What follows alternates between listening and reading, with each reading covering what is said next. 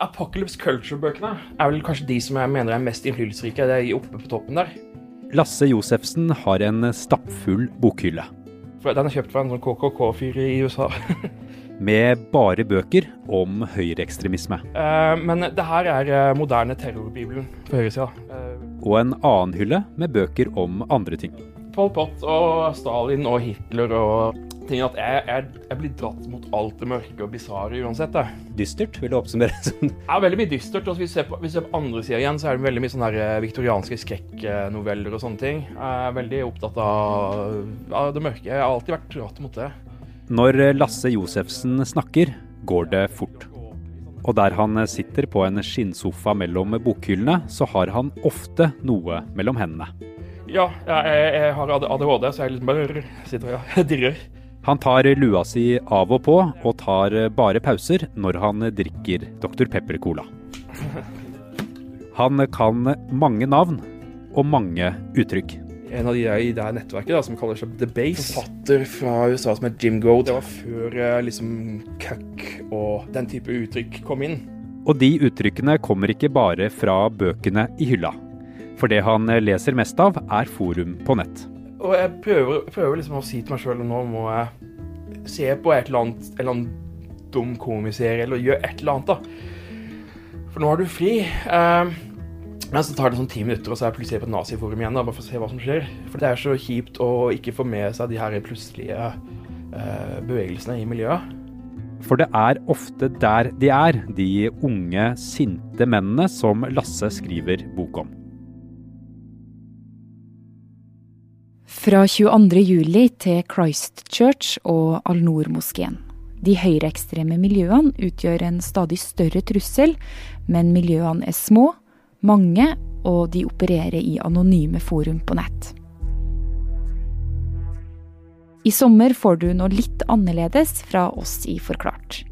Vi gir deg ikke nyhetssaker hver dag på et kvarter, men lengre intervjuer med folk som kan fortelle noe nyttig om tida vi lever i.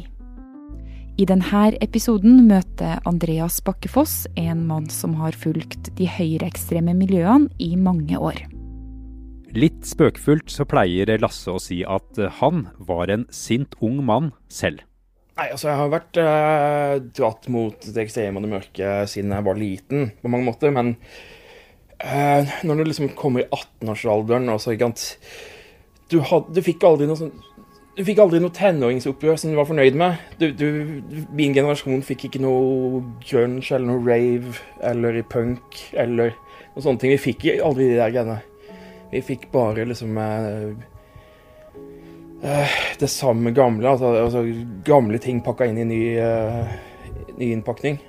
så for meg så var det alltid Jeg satt og venta på liksom at noe skulle boble frem. da, Et eller annet som var interessant, noe som faktisk hadde et opprør i seg. Noe som sparka litt. Så han søkte mot miljøene på nett, og der var det noe som traff ham. Nettet var en, en sånn derre fantastisk kilde til alt du var nysgjerrig på av det mørke og det jævlige.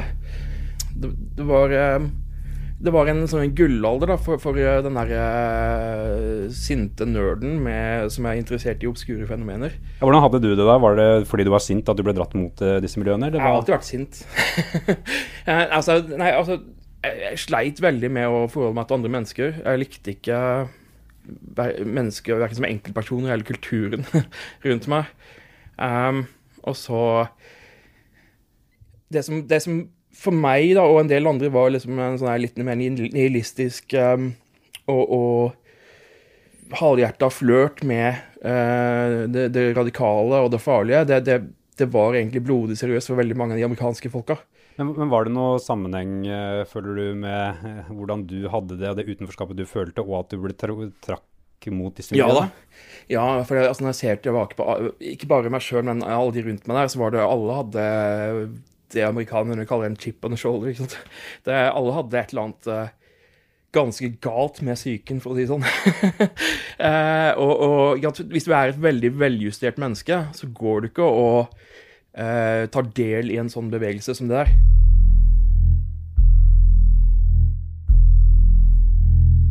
Lasse kaller det miljøet han var i for prototypen på det som skulle bli alt-right-bevegelsen i USA utover på 2010-tallet. Den alternative høyresiden ble en motvekt til de politiske etablerte republikanerne i USA. Og etter hvert så ble det en bevegelse med tydelige innslag av nynazisme og ønske om hvitt overherredømme. White supremacy. Du husker dem kanskje fra marsjen i Charlottesville i august i 2017. Hvite menn og noen få kvinner bar fakler og ropte taktfast mot innvandring.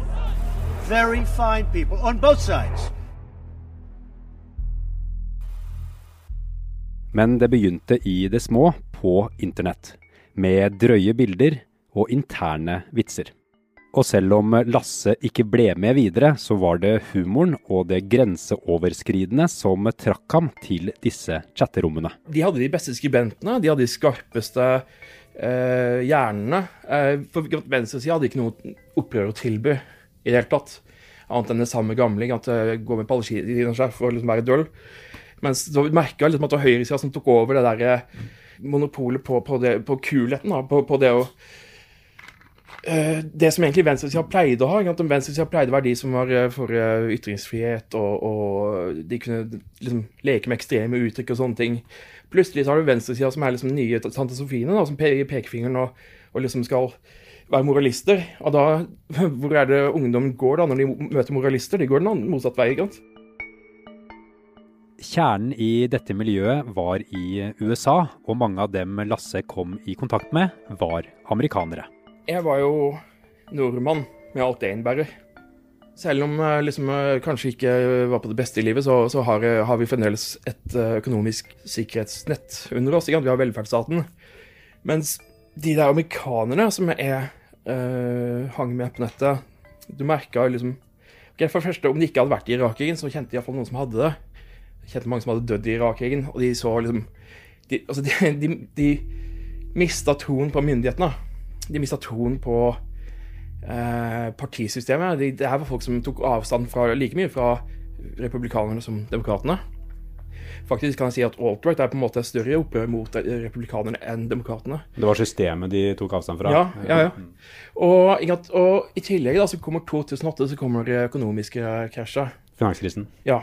Eh, og, og, det er noe som Her i Norge så har vi ikke merka så mye til det. Vi har gått tørrskodd gjennom det, de fleste av oss. Men i USA så er det veldig mange som merker det. Og det er veldig mange som ikke vil tilgi det, det, politiske systemet akkurat det. Og da får du på en måte grobunn for ekstremisme, eller du får grobunn for galskap, da, som Trump. Og denne frustrasjonen, dette opprøret, lakk ut på nett. De så en, en, en vestlig elite, da, eller en politisk elite, som kanskje eh, ikke brydde seg så mye, og som, som hadde en liksom, litt for stor avstand til folket. Og ikke så liksom, umiddelbart problemer med innvandring eller sånne ting.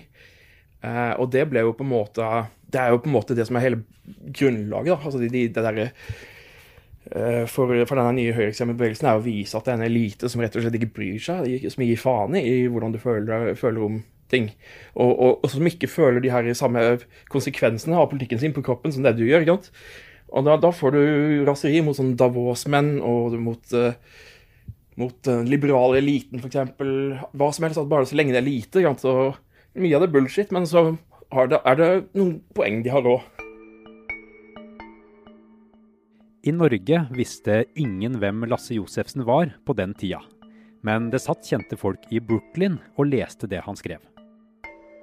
Forfattere som han beundret, ba ham om å skrive for dem. Han fikk fanbrev, og hele tiden så var det nye ideer, nye opplevelser og nye konsepter å kaste seg over. Men han sluttet å være en aktiv del av miljøet tidlig i 2014. Og vi kommer tilbake til hvorfor. Men først må vi si litt om hva som skjedde litt senere det året. For da ble frontene for alvor steile. Ikke så lenge etter det så kom det som kaltes Gamergate. Gamergate. Det var en slags kulturkrig på nettet. På den ene siden har du de som ville at data og TV-spill skulle kunne være noe annet enn skyting og vold mot kvinner. Og på den andre siden det Lasse kaller sinte dataspillnerder som mente feminister tok seg inn på deres territorium gaming. Det var liksom, ok, De har, gjør ikke bare på skolen, gjør ikke bare på fritida, de er sosialt ukomfortable, men de har iallfall gaming. Det har de her nerdene for seg sjøl, iallfall. Men så kommer feministene, at da skal de brøyte seg inn med Er det nok kvinner i gaming og sånne ting? Gnisten som utløste alt sammen, var en konflikt mellom en videospilldesigner og eksen hennes. Hun lagde et spill hvor fienden var depresjon. Et spill som fikk noen gode omtaler. Så skrev eksen flere blogginnlegg der han anklaget henne for å ligge med folk i pressen og bransjen for å fremme egen karriere. Da eksploderte det. Spilldesigneren fikk drapstrusler, voldtektstrusler og måtte gå i dekning. Saken spredte seg på Twitter, Reddit og i mange andre forum. Snart fikk andre kvinner i spillverden den samme type trusler. Adressene deres ble lagt ut, de ble truet på livet, og private bilder ble lekket. Og det sinnet som fikk folk i gamingmiljøet til å komme med disse truslene, det var det noen som visste å utnytte. Det ble stort opprør. og Da var det en smart britisk fyr som skrev for Breitbart.com, som het Milo Janopoulos, som eh, så en mulighet da, til å pense de her eh, masse, tusenvis av sinte nerdene inn mot høyresida. De var jo apolitiske tidligere, men han pensa det inn da, med, å, med å skrive og sympatisk om de og sånne ting. Uh, og det, da fikk jo plutselig høyresida en, en sånn liten hær av, av unge, sinte nerder da tok det av. Det var da alt-right kom til seg sjøl ordentlig.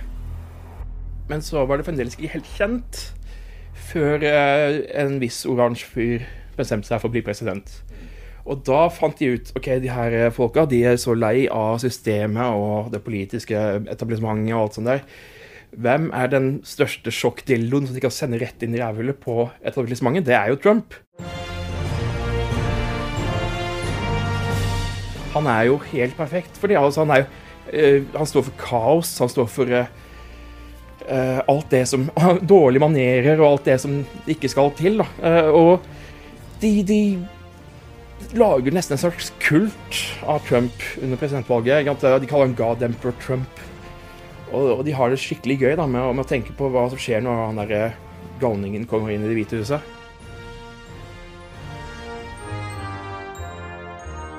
hatet mot det etablerte forplantet seg over Atlanteren og til norske ungdommer. Fram til da hadde de største høyreekstreme miljøene her vært etablert gjennom nynazistiske organisasjoner som den nordiske motstandsbevegelsen. De som har marsjert i flere byer i Norden under grønne flagg med runen Tyr på. Men det nye digitale miljøet var noe ganske annet. Så Der nordisk motstandsbevegelse på mange måter vil eh, til en viss grad prøve å spille det politiske spillet, så er de her eh, ikke opptatt av det i det hele tatt. De vil rasere det. Ting er at Hvis du er ung, så vil du ikke inn i et uh, slags nazistisk AUF. om Du skjønner.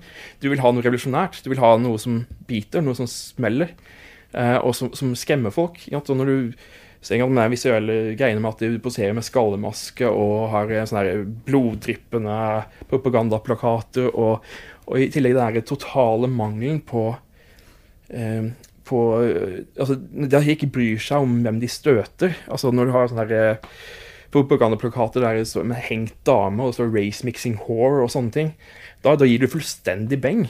Og det, der er der får du den der eh, umiddelbare kicket som, som, en ungdomssubkultur trenger. Meldinger om skyting på AUFs uh, leir på Utøya i uh, Flere er kritisk skadde etter den kraftige eksplosjonen i regjeringskvartalet. Ifølge politiet er gjerningspersonen etnisk norsk.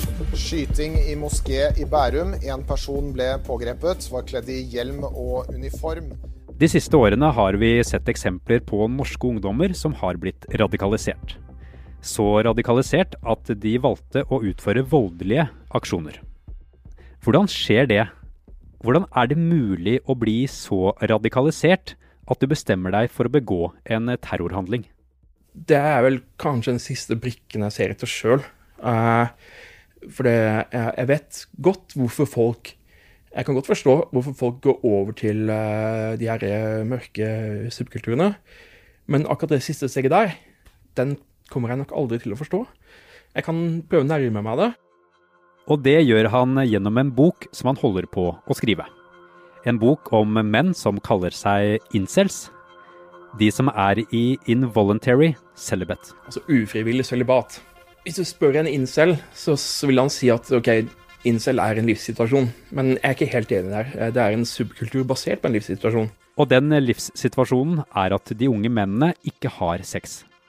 Eller som de ville sagt, samfunnet gjør dem til tapere som ikke kan få ha sex. Så er spørsmålet da ønsker de egentlig sex, eller er det noe mer? Og jo mer jeg ser på incels, jo mer jeg ser at sex er det, det er liksom det er det minste de mangler. Uh, alt andre mangler også. Mange av de er NEATs, dvs. Si NNET. Altså dvs. Si Not in Education, Employment or Training. Uh, så de bor i kjelleren til mora, f.eks. Sånne ting. De farløse, uh, veldig mange av de. Uh, og de har dårlig råd, de har ikke noe økonomisk uh, sikkerhet, de har ikke noe utsikt for uh, jobb og sånne ting. Så for å prøve å nærme seg svaret på hvordan man kan bli radikalisert, ser han til dem i incel-miljøet som har begått massedrap.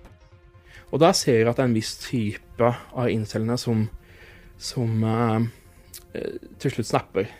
og da, da OK, det, det er jo det er jo litt sånn brannfarlig område her, men er, alle incel-drapsmenn har hatt asperger.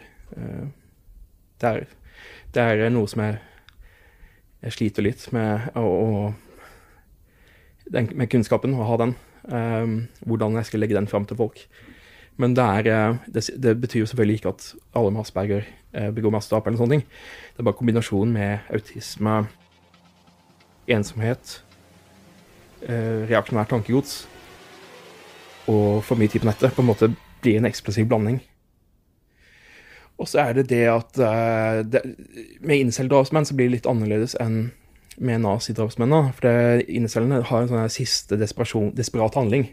Det er, det, er, det er, ikke ment som en politisk handling i det store hele, egentlig. Det er bare en siste fuck you, og så drar de med seg så mange som mulig. Mens naziene faktisk har jo en plan om at dette skal føre til, til noe større etter hvert.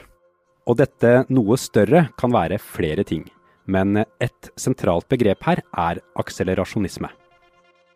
Josefsen kaller bl.a. moskéskytteren Brenton Tarrant på New Zealand og Philip Manshaus i Norge for akselerasjonistterrorister.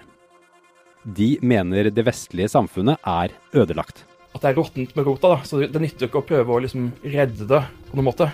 Dermed handler det om å sette fart på en utvikling som blir sett på som uunngåelig sørge for kollaps så fort som mulig.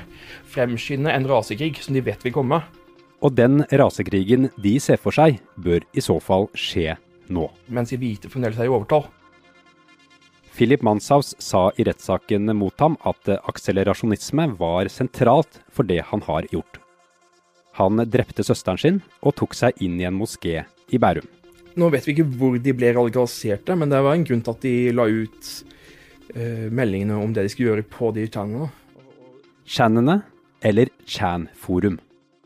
Et uh, samlebegrep for flere forum på nettsider som 4chan, 8chan og Nchan.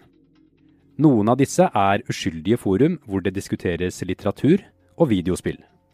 Andre er dedikert til porno og nynazistisk propaganda. Både Philip Manshaus og Brenton Tarrant la ut meldinger her rett før de ville utføre angrepene. Og, og hvis du ser på manifestet til Brenton Tarrant, så er det pepra fullt med i sånne inside jokes til beregna på Chan-publikummet. Uh, så, så, og det samme kan du si om det lille som Manshaus la ut òg. Uh, hva, hvem er de som er på disse Chan-forumene? Hva slags personer? Faktum er at du, du poster anonymt der. Uh, men jo, altså i store og hele så er det jo Uh, nettopp uh, needs, incels, uh, folk som er litt nølete, og kanskje foretrekker rett og slett å sitte og shitposte på nettet istedenfor å gå ut og gjøre noe fornuftig. Hvordan vil du beskrive sjargongen der? på disse liksom? altså, de, de, hvis man kommer inn der, så vil nok de fleste bli frastøtt. Da. De kaller hverandre fags hele tida. Forskjellige variasjoner av fag. Som vi kan oversette på norsk til? Soper, eller uh, homo, skrulle. Uh, og så har du flittig bruk av n-ordet. Uh, det er liksom ikke noe sensur der. Og hvis du prøver å liksom komme med en pekefinger her, så, så, blir ikke det så populært. Så det er helt uten filter? Ja, ja, det, det er helt uten filter. Men altså, det betyr ikke at de fleste som henger der, er rasister. Faktisk ikke. Altså, det, er, det er veldig fascinerende. Da. For å studere menneskeheten så burde man gå på 4chan og de forumene der. For det, det er liksom kloakken til menneskeheten. Det er liksom det er der vi kan teste hva vi har fordøyd som, som rase. Det kommer ut der på en eller annen bisarr form.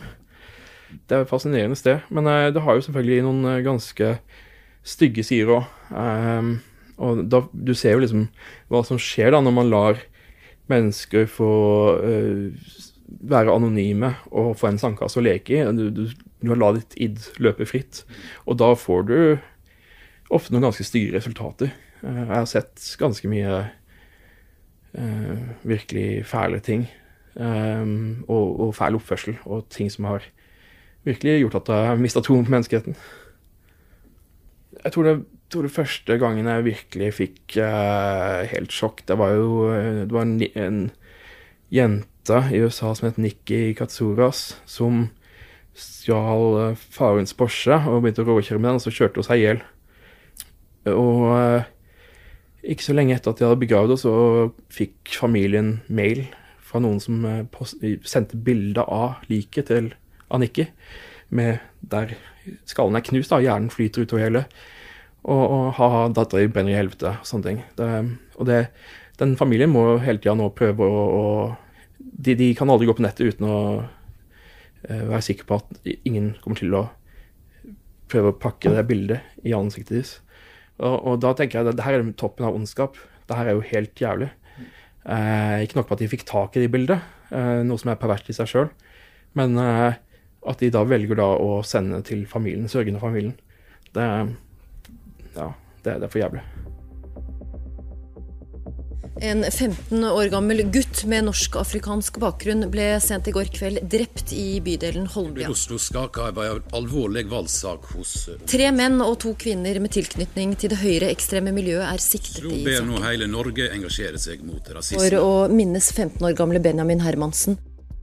De stereotypiske nynazistene på 1990-tallet hadde barbert hode, doktor Martensko, og gikk inn for å lage bråk på byen. De nye kan være vanskeligere å kjenne igjen på gata. De, de fleste av de er relativt beleste, smarte, slue, litt mer, litt mer sånn popkulturelt savvy. Altså de, de, de, er ikke sånn på utsida av samfunnet, sånn som skinheads var. For å bli skinhead så, så tar du et bevisst valg med å bevege deg utafor samfunnet, mens de her på en måte beveger seg blant oss. De hører til og med på rapp. Uh, lager noen av de lager rapp, til og med. I Tyskland så har de nazirapp. Um, så, det, så det, det, er blitt en helt uh, ny type slu og smidig nazist som uh, kan bli litt vanskelig å fange. og for eksempel jeg er blitt mer sånn der at jeg, jeg ser ikke etter hakekors når jeg ser etter f.eks. nazister på sosiale medier. Jeg ser mer etter sånne der, bilder av Shiva og Kali og sånne ting. Blir mer opptatt av hinduisme og vedisme og sånne ting. I mange av de amerikanske nazistiske eller nynazistiske miljøene så er det jo jødene som er den store hovedfienden. Eh, og Philip Manshaus forklarte seg også i retten om, om eh, sitt, sitt, jødehat, da, sterke jødehat, som han beskrev det. Mens, mens Breivik var jo opptatt av uh, hat mot muslimer. Mm.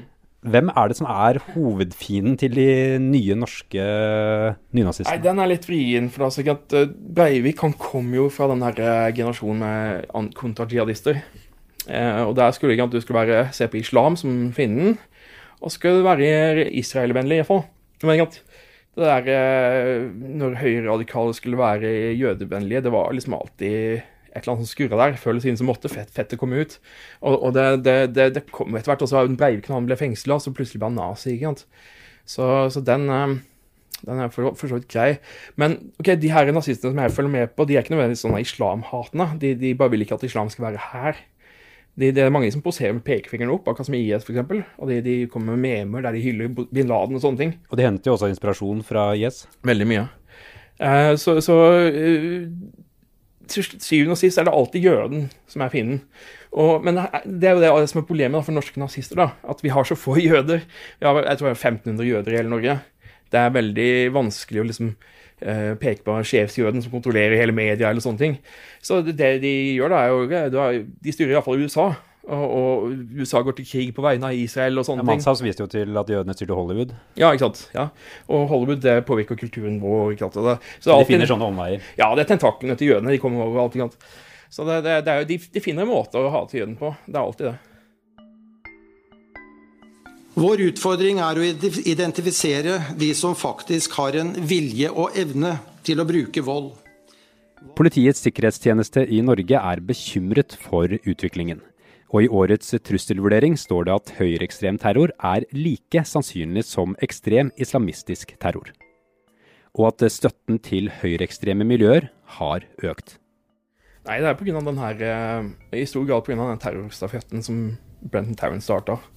Du har jo uh, de her eh, terrorglade nazistene. De, har, de kaller de jo for saints. De som utfører terror. Helgener på norsk. I Norge er det to som blir omtalt som saints nå. Anders Behring Breivik og Philip Manshaus. Lille Norge har to saints. Og da er det liksom, nå, nå, må vi begynne å tenke på hva er det som skjer her. Hvordan skal vi unngå å få en tredje? Nei, det er vanskelig. Men uh, vi kan begynne med å, å se på uh, at det er noe som skjer på nettet. da. Jeg ser den største faren er liksom de her uh, såkalte ensomme ulvene. Altså, veldig mange produserer mot uttrykket 'ensom ulv', men 'ensom ulv' er jo en terrortaktikk. Det betyr bare at du trenger ikke noe klarsignal fra en leder. Du kan bare ja, gjøre en aksjon når du sjøl vil. Og det er de som jeg bekymrer meg veldig for. De som får tak i noe våpen. Så ja, det er de der, de der unge guttene som har lyst til å tilfredsstille publikummet på Chan-forumene, som jeg liksom, er veldig bekymra for. Og de er vanskelig å stoppe? Vanskeligere enn før?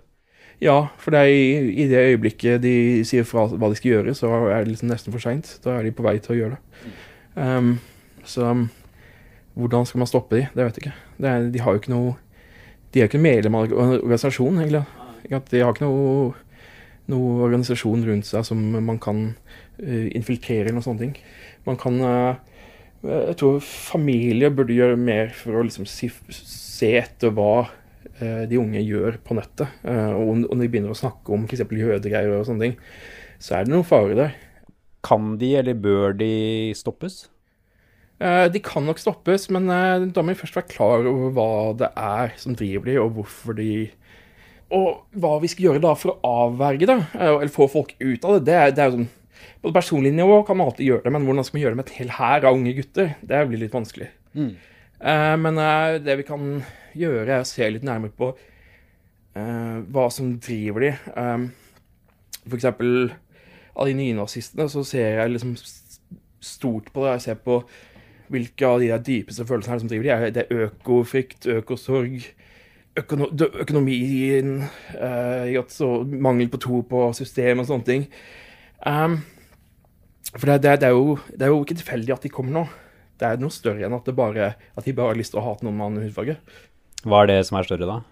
Uh, nei, Hvis du ser nærmere på f.eks. alt-right eller nynazisme, så ser du at de har, veldig mange av de her guttene har problemer med moderniteten.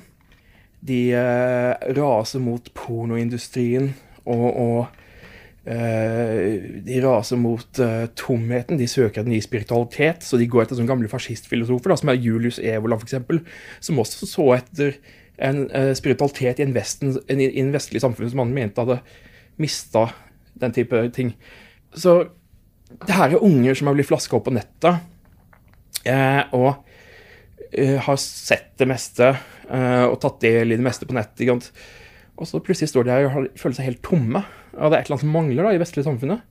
Så, så, vi må kanskje se der da, at da, eh, nettet har gjort et eller annet med sinnet til guttene våre. Spesielt guttene, selvfølgelig og Lasse Josefsen kunne vært en av de guttene.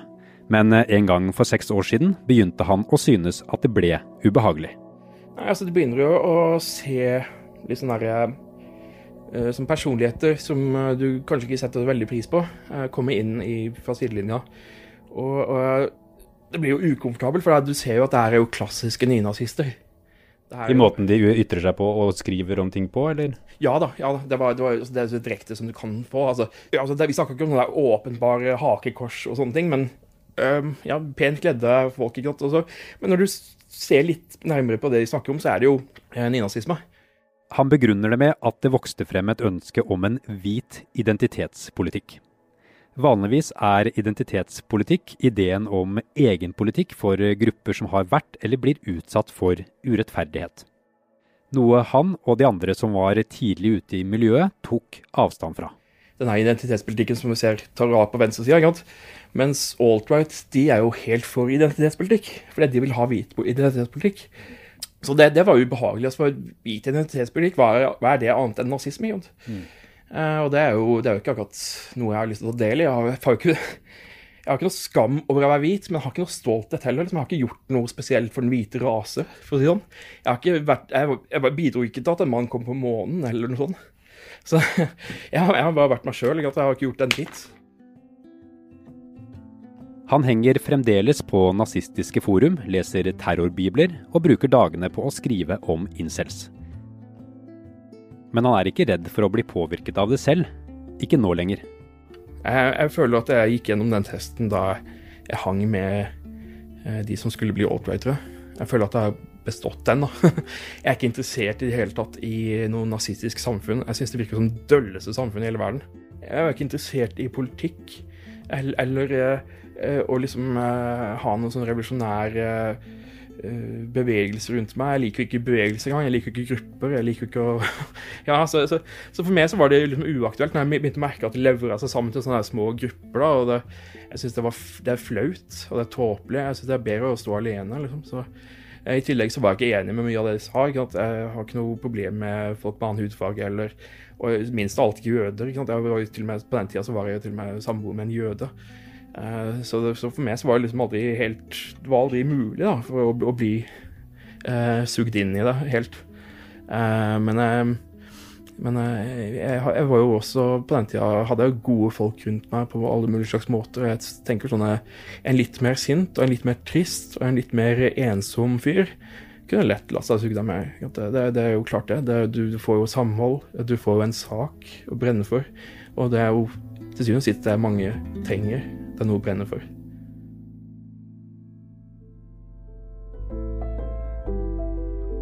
Forklart lages av Caroline Fossland, Anne Lindholm, Fride Næss Nonstad, Marit Eriksdatter Gjelland og meg, Andreas Bakke Foss. I denne episoden har du hørt lyd fra NRK, VGTV og nyhetsbyrået AP.